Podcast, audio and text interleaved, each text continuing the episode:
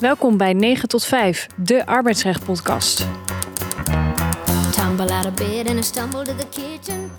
We nemen vandaag aflevering 37 op. Mijn naam is Meerte van de Heuvel van Nimbo Arbeidsrecht. En bij mij zitten Tessa Lust, jurist bij de DAS. En Pascal Besselink, advocaat bij de DAS. En vandaag gaan wij invulling geven aan het tweede deel van onze tweeluik. De vorige aflevering hebben we het gehad over minuren. En vandaag gaan wij kijken naar de overuren. Misschien wel net nog wat boeiender voor menig werknemer om eens te horen hoe het nu eigenlijk zit met die overuren en het betaalbaar, hè, de betaling daaruit krijgen. Ehm, maar we blijven juristen en advocaten, dus hè, waar is nu eigenlijk de wettelijke definitie als die bestaat? Er is inderdaad geen wettelijke grondslag met betrekking tot overuren. En Nederland is door het Europese Comité voor Sociale Rechten inderdaad in 2010 op de vingers getikt. Voor die tijd werd er eigenlijk niet zoveel over gezegd. En dat kwam omdat de regering meerdere stukken had toegestuurd waaruit bleek dat de CAO op merendeel van de werknemers van toepassing was. Waardoor in eerste instantie het Europese Comité voor de Sociale Rechten ervan uitging dat Nederland aan een verplichting voldeed. En welke verplichting is dat dan? Nou, die is neergelegd in artikel 4, lid 2 van het Europees Sociaal Handvest, dat eh, Nederland uiteraard heeft geratificeerd. En in dit artikel is bepaald dat het recht. eh, dat werknemers recht hebben op een hogere vergoeding bij het overwerken. En eigenlijk door de vakbonden is het eh, eh, eh, Europese comité weer op onderzoek uitgegaan. En zij kwamen er toen achter op het moment dat zij dieper in de materie doken dat wij geen wettelijke basis hadden.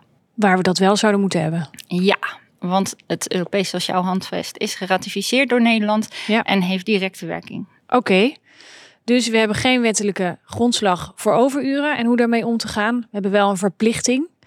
Klopt.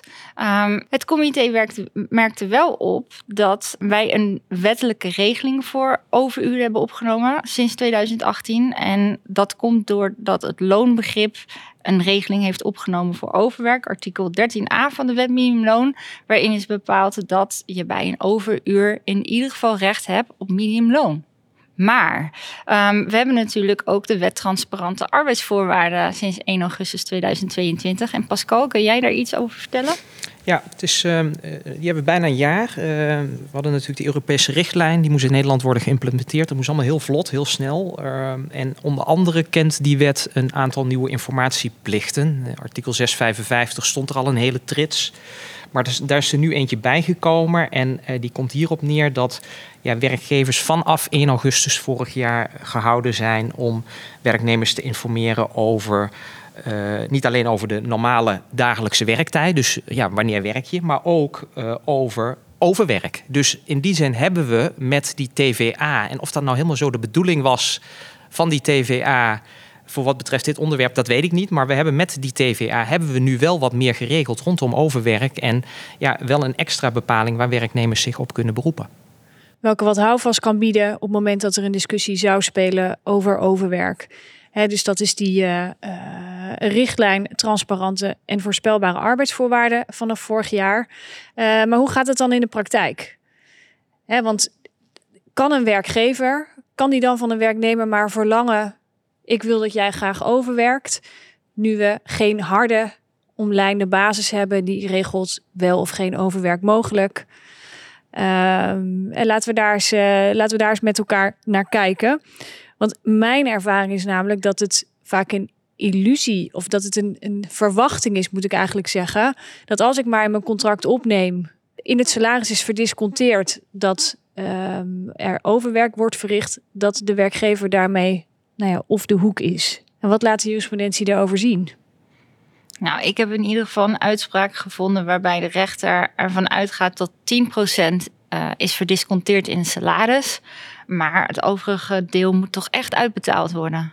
Pascal, heb jij nog mooie uitspraken hierover gevonden? Ja, het, het is heel wisselend. En die bepaling die jij noemt, Meerte, die, die zie ik ook regelmatig voorbij komen. En, ja, eh, en ik denk dat het voor heel veel functies wel opgaat. Ik bedoel, je ziet ook wel in een, lijn in de rechtspraak. eh, Volgens mij was een uitspraak van de Hoge Raad, of in ieder geval een conclusie van de AG voor dat arrest. Waarin iets staat over als jij eh, leidinggevend bent of je bent verantwoordelijk voor het rijlen en zeilen van die organisatie. Ja, dat er wat meer van jou ver- verwacht mag worden, omdat je daar ook een bepaald loon voor krijgt. Dus met andere woorden, dat je daarvoor ook wel wat extra mag werken. Maar er zitten grenzen aan. En je ziet wel dat op het moment dat ja, die grens wordt overschreden. En ja, dan blijft het casuïstiek wanneer daarvan van het geval is. Dat je ondanks dat er zo'n bepaling in het contract staat. Dus overwerk wordt geacht in jouw loon te zijn inbegrepen.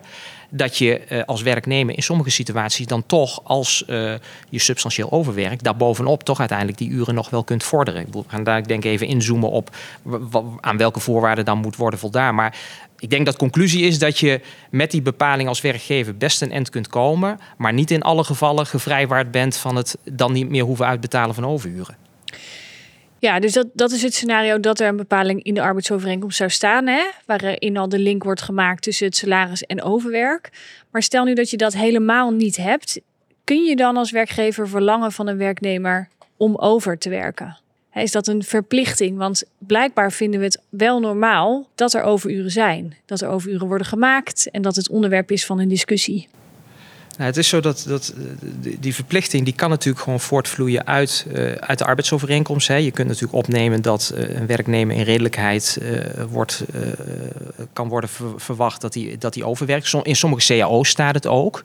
Eh, de mate waarin is soms wat onduidelijk, maar het is, het is niet zo dat het een, ja, een absolute recht geeft om werknemers maar onbepaald o- te laten overwerken. Maar het geeft ook niet het recht voor de werknemer om te zeggen: ja, ik, ik kom niet overwerken. Dus ja, het bevindt zich uiteindelijk weer, dat ho- hoor je natuurlijk ook wel weer, eh, komt het uiteindelijk ook weer terecht in het leerstuk van de redelijkheid en billijkheid, het goed werkgeverschap, het, zeg maar, het sluitstukje van het arbeidsrecht.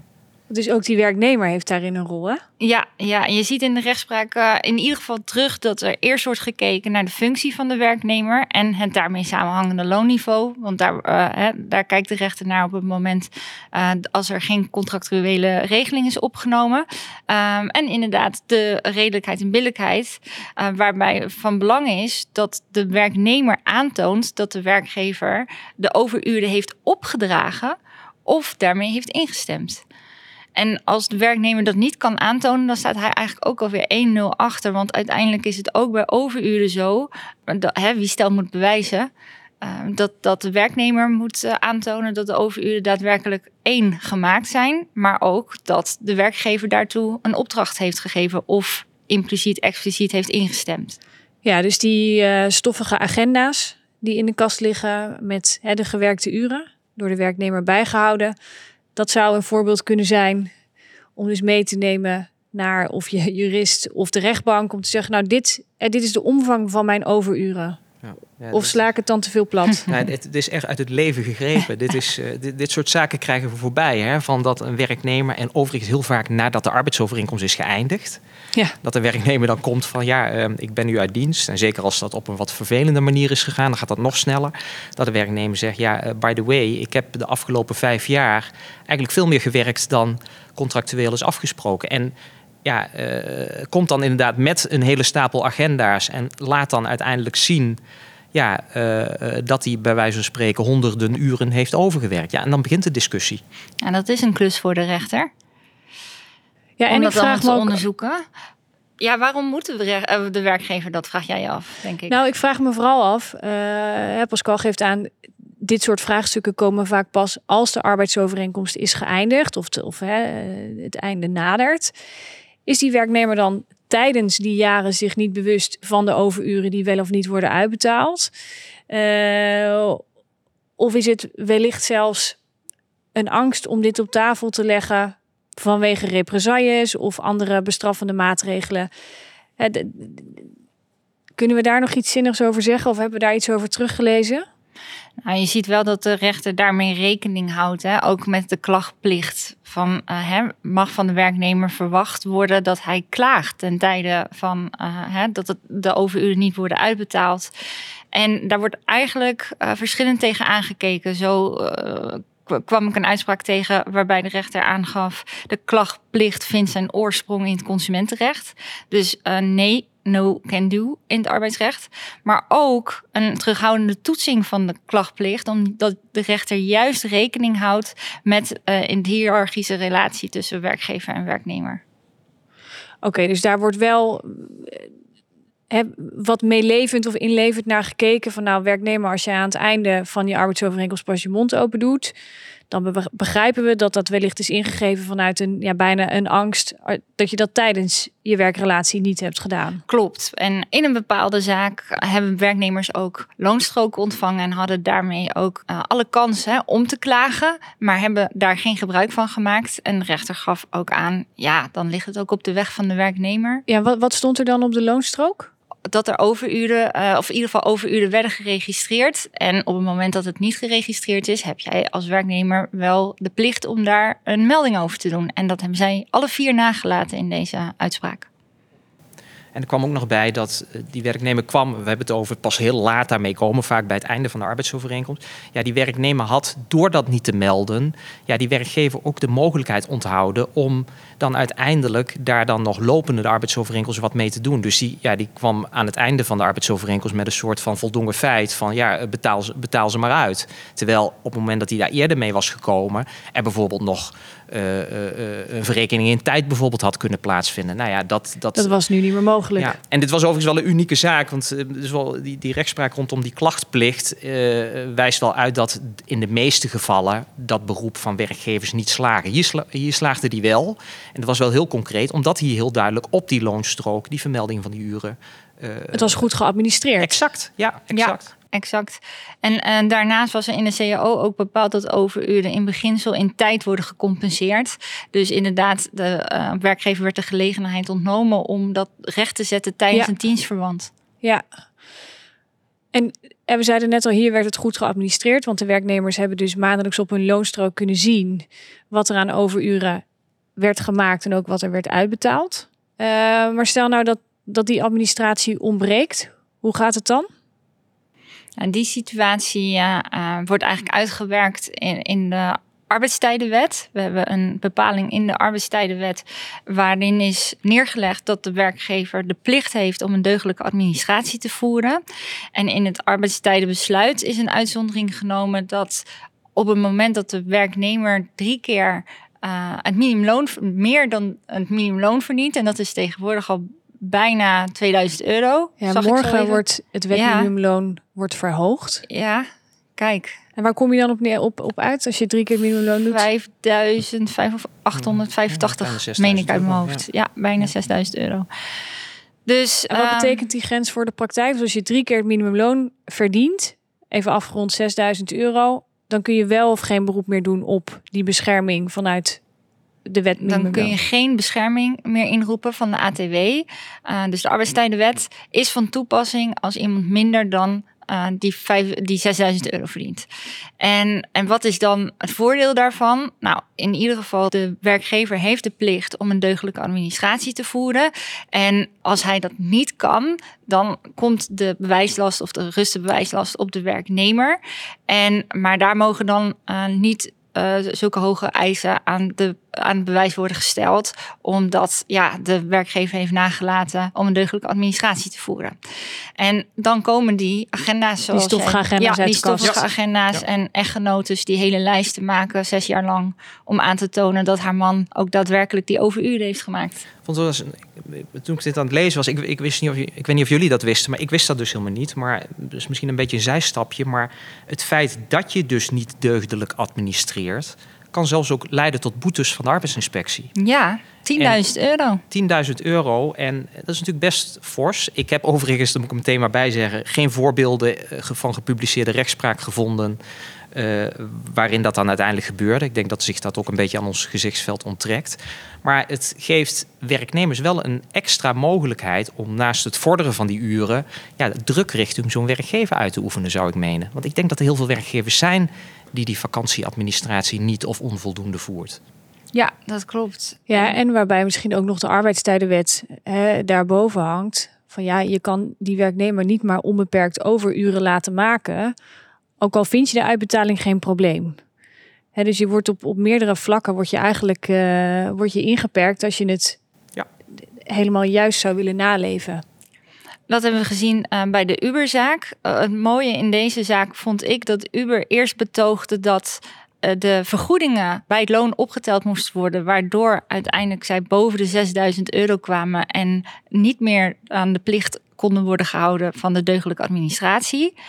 Uiteindelijk, het Hof gaf ook aan, nee, de vergoedingen tellen niet mee. Dus daardoor kwam het loon onder de 6000 euro en waren zij wel degelijk verplicht. Wat voor vergoedingen probeerde Uber dan aan te dragen ja, eh, ik, bovenop nou, het echt uh, loon? heel bijzonder. Fitness en um, telefoon. En um, nou, dat zou ik even voor je op moeten zoeken wat ze allemaal um, uh, erbij uh, probeerden te halen. Maar uiteindelijk kwam, kwam het erop neer dat zij onder de 6000 euro, of het loon was onder de 6000 ja. euro, waardoor zij wel degelijk een deugdelijke administratie dienen te voeren.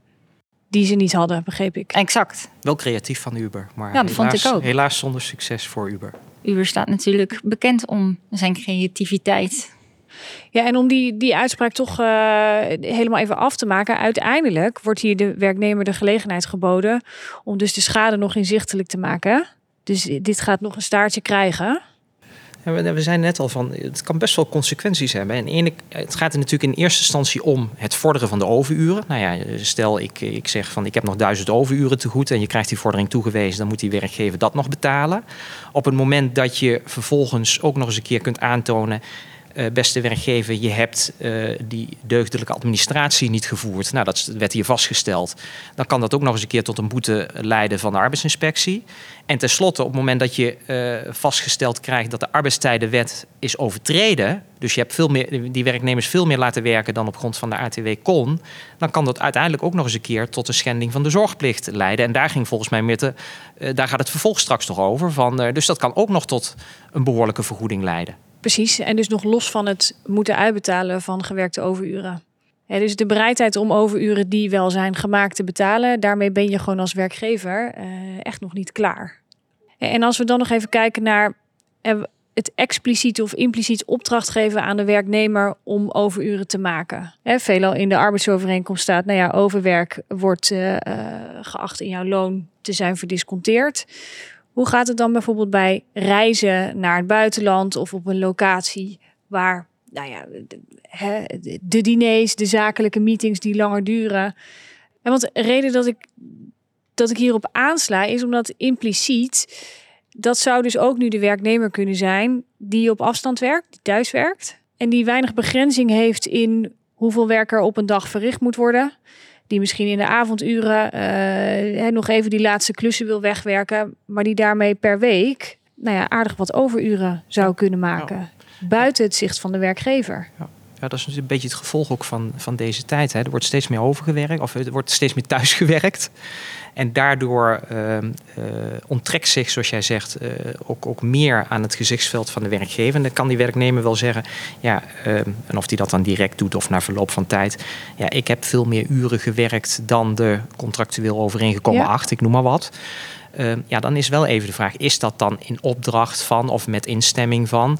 Uh, want die werkgever kan dat natuurlijk ook allemaal niet zo goed controleren. Je ziet ook best wel een aantal uitspraken terug waarbij die werknemer uiteindelijk zegt: ja, ik heb dat allemaal extra gedaan. En misschien kon hij dat ook wel aantonen. Maar misschien heeft hij het ook wel gewoon vrijwillig gedaan, zonder dat daar een expliciete opdracht aan ten grondslag ligt. Dus je ziet ook, en dat, dat, dat is wel iets wat je in die zaken allemaal moet doen. Maar betekent dat dan dat de overijverige werknemer die dat vrijwillig doet, Hè, tussen aanhalingstekens, dat die uiteindelijk uh, wat bedrogen uitkomt, omdat het niet als overuren worden gezien? Nou, in ieder geval bedrogen uit zou kunnen komen in heel veel gevallen. Dat denk ik wel. Want uh, op het moment dat je uh, dat doet zonder dat daar een expliciete opdracht of instemming van de werkgever aan ten grondslag ligt. Ja, dan kun je wel zeggen, ja, ik, ik heb veel meer uren gewerkt. Maar de vraag is ook even of dat dan uiteindelijk nodig was. En of dat dan uiteindelijk uh, in opdracht van de werkgever was. Want je hebt natuurlijk aan de ene kant heb je de vraag van, ja, zijn overuren gemaakt? Dat is altijd vraag één. Maar dan komt de belangrijke vervolgvraag, ja, moeten die ook worden uitbetaald? -hmm. en die werknemer zal dan zeggen van wel, want die zegt van ja, ik heb ze gemaakt. Maar die werkgever zal dan zeggen van ja, maar goed, eh, de opdracht daarvoor die ontbrak. En, la, en, de, en de instemming eh, ontbrak ook. En misschien, eh, daar hadden we het net aan het begin al over, stond er in die arbeidsovereenkomst ook nog wel de bepaling dat overwerk werd geacht, in ieder geval voor een deel te zijn inbegrepen in de functie. Ja, dan wordt het denk ik wel wat lastiger voor die werknemer. Ja, want eh, Ja, dat laatste vind ik nog wel interessant. Tessa, jij zei daar aan het begin iets over.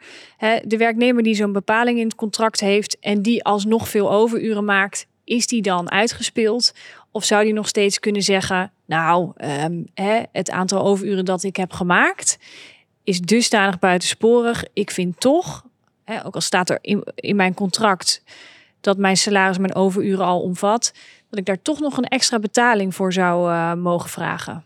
Ja, dan wordt er inderdaad weer eh, expliciet gekeken naar, hè, zoals het al bekend is, naar de omstandigheden. En in dit geval, in deze zaak, heeft de werknemer van 2015 tot en met 2021 allerlei lijsten overlegd en tickets, geloof ik, en e-mailberichten waaruit bleek dat hij inderdaad die overuren had gemaakt.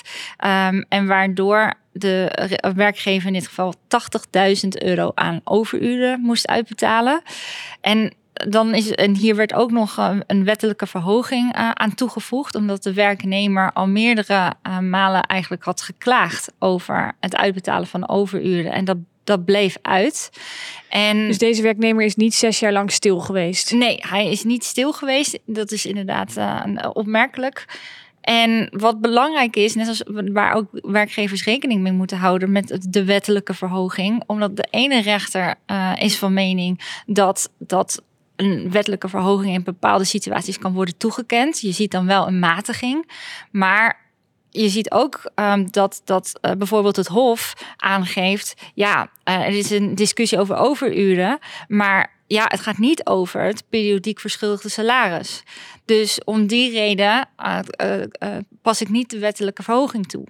Dus ja, dus het is niet altijd ehm, eh, dat, daar ook nog de wettelijke verhoging aan wordt toegevoegd, maar.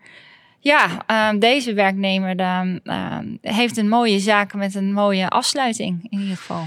Ja, want dit was ook de kwestie waarin de rechter zei: ja, 10% van die uren die zal verdisconteerd in je salaris. Ja. En het overige gedeelte, daarvan zie ik inderdaad een aanleiding om die alsnog ehm, hè, betaalbaar te laten stellen door de werkgever. Ja, ik vind dat wel een hele bijzondere uitspraak, want in veel contracten eh, er staat dit natuurlijk wel Ja. opgenomen. Ja, ja, ik, Ja, maar dit was ook wel buitensporig hoor. Ehm, de uren die gemaakt zijn. Ja, maar je, je- moet het denk ik wel zien binnen het tijdsbestek van zes jaar. Wat je volgens mij net Ja. noemde. Ah ja, Als je dat opknipt in hoeveel uren er, er per jaar zijn gemaakt. Denk ik dat er best wel vergelijkbare situaties denkbaar zijn. Absoluut. Nou ja, als je, als je hier naar gaat kijken en werknemers krijgen hier lucht van, wil dit is tere- terecht wat jij ook zegt, Meert. Er zijn heel veel eh, arbeidsovereenkomsten die zo'n bepaling kennen. Ja, dit biedt dan, zou dan wel perspectief kunnen bieden, daar waar meer werknemers misschien afhankelijk dachten van ja, dit staat in mijn arbeidsovereenkomst. Ja, die overuren, ja, die, eh, die worden geacht te zijn inbegrepen in het werk wat ik doe. Dus ja, als ik eh, overwerk, ja, dan eh, kan ik die uren niet extra vorderen. Nou, nou, wellicht kan dat dus blijkbaar wel op het Ja. moment dat je hier naar kijkt. Ja, ik, ik, vind dat, ik vind het zelf ook wel, wel discutabel hoor. Of, Of dit de lijn zou of moeten zijn. lijn zou moeten Ja. zijn. Ja. In ieder geval een arrest waar we niet omheen kunnen. Waar we wel, eh, nou ja, die we in gedachten moeten houden, zou ik zo willen zeggen. Ja. Dan nog een laatste korte tip. Tessa, voor de werkgevers onder ons. In het kader van de overuren. Nou, eh, als het nog niet helemaal duidelijk was, een deugdelijke administratie voeren. Kijk ik even naar de andere kant. Pascal, Ja, een tip voor de werknemers onder ons. Ja, misschien wel hetzelfde. Hou die agenda zo heel goed bij. Maar maak het ook tijdig kenbaar. Klaag bij die werkgever. Maak kenbaar dat je die overuren hebt gemaakt. En zorg ervoor dat komt vast te staan dat die ook in opdracht van de werkgever zijn gemaakt. Kijk, nou, daar kunnen we wel wat mee. U kunt deze podcast, want wij gaan over tot afronding, en alle andere afleveringen terugluisteren via 9 tot 5 podcast.nl. En op deze website vindt u ook de uitspraken terug waar wij naar hebben verwezen en ook waar wij uit hebben geput. En zoals gezegd is dit de tweede aflevering van een tweeluik over minuren en overuren. En de vorige aflevering kunt u daarom ook nog terugluisteren. Die gaat over de minuren. Ik dank Tessa Lust en Pascal Besselink voor hun bijdrage. En graag tot de volgende.